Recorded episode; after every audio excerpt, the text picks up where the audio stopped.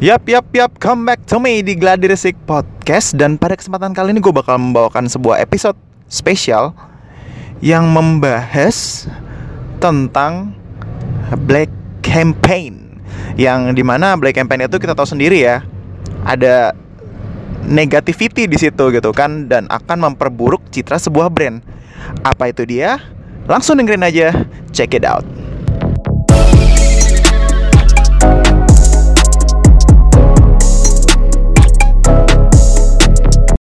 Agu News. Untuk yang pengen tahu lebih jauh kritik atau saran bisa langsung kirim aja ke gladiresik7 at gmail.com atau mention atau direct message juga boleh ke Instagram at gladiresik studio. Stay tune nam podcast Gladi Resik. Ya langsung aja kita akan bahas materi yang sangat menarik ini yaitu adalah Black Campaign.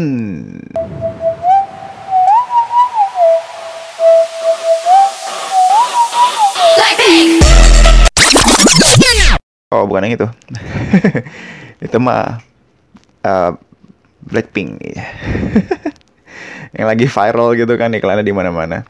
Nah Black Campaign itu kalau udah gue baca ya Di berbagai macam Literal lit, literatur Terus juga berbagai macam bacaan gitu Dan dapat gue simpulkan kalau Black Campaign adalah upaya atau usaha atau propaganda atau kampanye yang dilakukan untuk menjatuhkan brand, produk atau personal branding gitu. Tapi, ada tapinya nih. Tidak menggunakan fakta yang valid. Bisa jadi itu sebuah fitnah atau hoax. Yang tujuannya jelas tadi kan. Pokoknya menjatuhkan gitu kan. Terus, apa bedanya sama negatif campaign? Negatif campaign itu beda lagi. Kalau negatif campaign itu berarti kan dia juga ingin menjatuhkan sebuah produk. Gitu kan. Ya tujuannya macam-macam lah. Tapi mostly kita tahu biasanya untuk menjatuhkan sebuah produk tapi dengan fakta, fakta yang jelas, cuman yang di up, yang disebarkan ke orang-orang itu yang negatif-negatifnya aja gitu. Oke, jadi biar gampang gini. Contohnya apa? Misalnya Black Campaign. Nah, gue punya cerita. Gitu, dan ini terjadi ya. Dan gue nggak perlu sebut brandnya apa. Dan ini itu secara demografi dia terjadi di Indonesia. Dan kita tahu ya, Indonesia itu seperti apa gitu kan. Dengan adat dan budayanya, ketimurannya gitu kan. Terus, dan terjadi di bulan Februari tanggal 14. Which is semua kita tahu pada tanggal tersebut itu adalah hari Valentine gitu kan. Hari kasih sayang. Dan mayoritas di Indonesia menurut kepercayaannya tidak ikut merayakan gitu bahkan sampai yang di berbagai macam kota gitu banyak yang Pemdanya tuh pemerintah daerahnya tuh ngeluarin surat larangan untuk merayakan gitu kan dan kalau gue pribadi sih gue nggak mau ngebahas masalah boleh atau enggak ya uh, masing-masing orang lah itu monggo ya mau merayakan monggo yang enggak juga monggo dan gue tidak ada masalah dengan hal itu gitu. Jadi silahkan aja. Nah, pada hari itu gitu kan tanggal 14 Februari tuh muncul tuh viral. Viral sebuah produk nih ya, coklat dijual di pinggir jalan, tapi ada tapinya nih. Dia dibanding dengan alat kontrasepsi. Which is langsung di blow up dengan tagline-tagline itu jadi ada tulisannya tuh yang astaga ter ternyata ada kampanye terselubung tentang melakukan oh, seks bebas gitu menggabungkan produk coklat dengan alat kontrasepsi ya gitu gitulah pokoknya intinya gitu jadi tiba-tiba ada berita seperti itu viral coklat dengan alat kontrasepsi di mana kalau menu kalau di kita ya di di Indonesia sendiri tuh itu cukup hal yang tabu gitu. Ini ini apa ini maksudnya gitu kan? Ini apa maksudnya gitu kan? Kenapa coklat terus digabungkan dengan alat kontrasepsi? Apakah maksudnya setelah memberikan coklat Anda kemudian memberikan kebebasan untuk melakukan hubungan intim? Wah, itu luar biasa lah ibaratnya. Uh, cukup ramai gitu kan. Nah, ternyata gitu kan, gak lama akhirnya salah satu dari produk tersebut klarifikasi. Gue lupa yang klarifikasi itu yang mana. Oh, saya ingat gue yang si bagian alat kontrasepsi, kontrasepsinya dia bilang kalau oh enggak kita tidak pernah kita tidak pernah bahkan ada niatan untuk melakukan kampanye tersebut. Jadi tidak ada sedikit pun inisiatif dari kita untuk melakukan kampanye tersebut. Jadi mohon jangan dipercaya berita-berita tersebut. Yang pasti bukan dari kami. Kalau untuk di pihak brand yang coklat sendiri itu silahkan dikonfirmasi ke pihaknya sebelah sana gitu kan. Ya pokoknya kayak gitulah contohnya. Jadi kan terbukti bahwa itu dilakukan oleh orang-orang tidak bertanggung jawab gitu kan ternyata dia melakukan black campaign gitu kayak seolah-olah si brand ini mendorong untuk terjadinya perbuatan yang tidak sesuai dengan ya norma dan adat di Indonesia gitu kan. Terus yang contoh negatif campaign itu uh, ada sebuah produk makanan nih, ada sebuah produk makanan, kemudian di blow up di blow up di bagian uh, ada dokter gitu nih. Dia ngepost di sosial medianya dia di Facebook gitu. Dia post di situ tulisannya gini uh, berhati-hatilah memakan produk ini karena mengandung zat ini.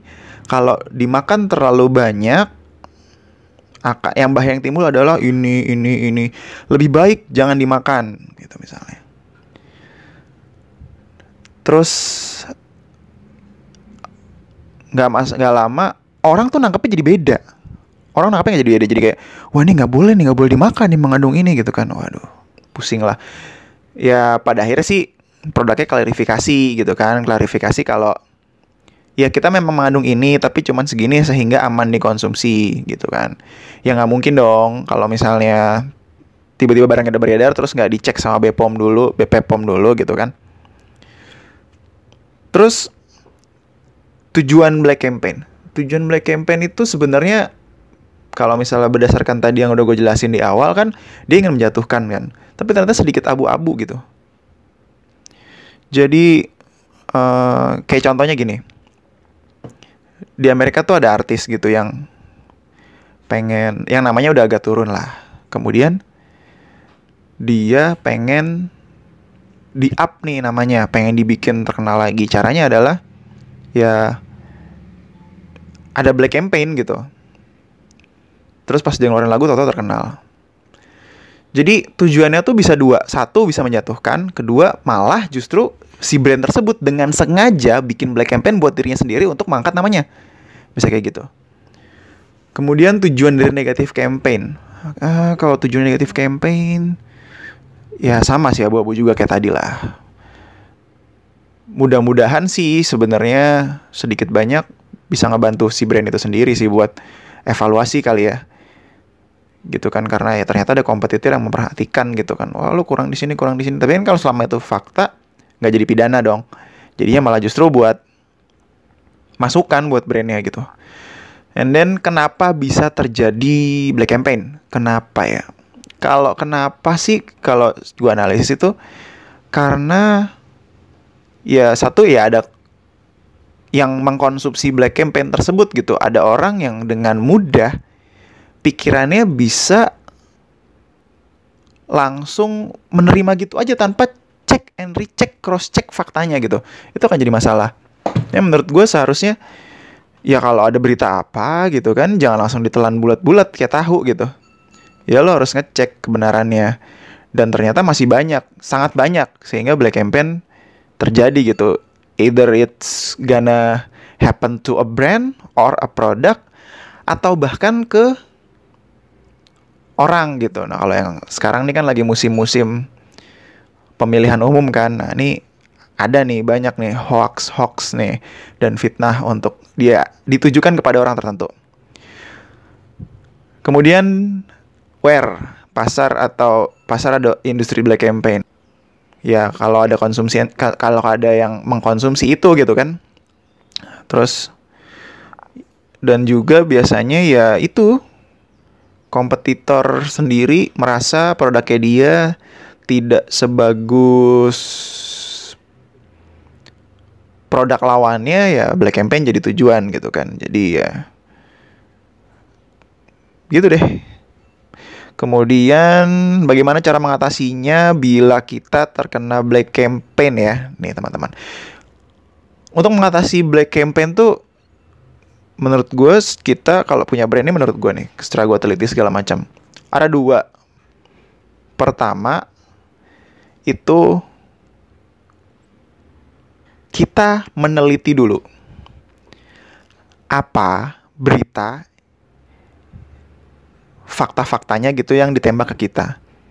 Mana? Kemudian yang kedua setelah diteliti kita bisa memilih mau dijawab secara tertulis atau dijawab secara lisan gitu kayak konvensi pers gitu. Kalau menurut gue sih mendingan dijawab secara lisan gitu akan jadi lebih jelas gitu kan. Terus juga rilis juga press release di website kita segala macam tentang fakta tersebut. Kalau memang terbukti gitu yang diomongin berupa kritik misalnya, ya kasih apa ya kepastian kalau kita akan berbenah. Ya kalau lo mau long term kan brandnya ya saran gue sih itu gitu kan. Terus terakhir itu apa ya konklusi kali ya. Konklusi dari gue sih gue menyarankan untuk kalian yang punya brand dan tapi merasa terancam dengan brand tertentu ya nggak usah lah black campaign menurut gue atau menggunakan negatif campaign saran gue untuk mengembangkan produk kalian ya tingkatin aja value kalian gitu. Kalian meningkatkan value produk kalian brand kalian biar orang tuh merasa wah worth it gitu pakai produk kalian gitu. Atau mungkin kalian nah ini nih menarik nih uh, campaign yang bisa menarik juga nih. Jangan saling jangan bukan jangan saling ya. Kalian kolaborasi dengan brand tertentu terus kemudian kalian saling uh, kayak punya tema black campaign gitu tapi ujung-ujungnya mem me mempromosikan brand kalian. Itu juga cukup menarik gitu kan. Jadi intinya ya janganlah bikin hoax hoax tentang brand orang lain memblack campaign brand orang lain gitu kan. Untuk menguntungkan diri sendiri ya gue sih menyarankan jangan gitu kan. Tingkatin aja lah value kalian gitu Ya, itu aja. Kalau dari gue, mudah-mudahan bermanfaat buat kalian. Dan satu, hindarilah melakukan black campaign. Dua, selalu ngaca, mawas diri lah ibaratnya. Apa yang kurang dari brand kalian. Dan diimprove, ditingkatin. Gitu aja, bye.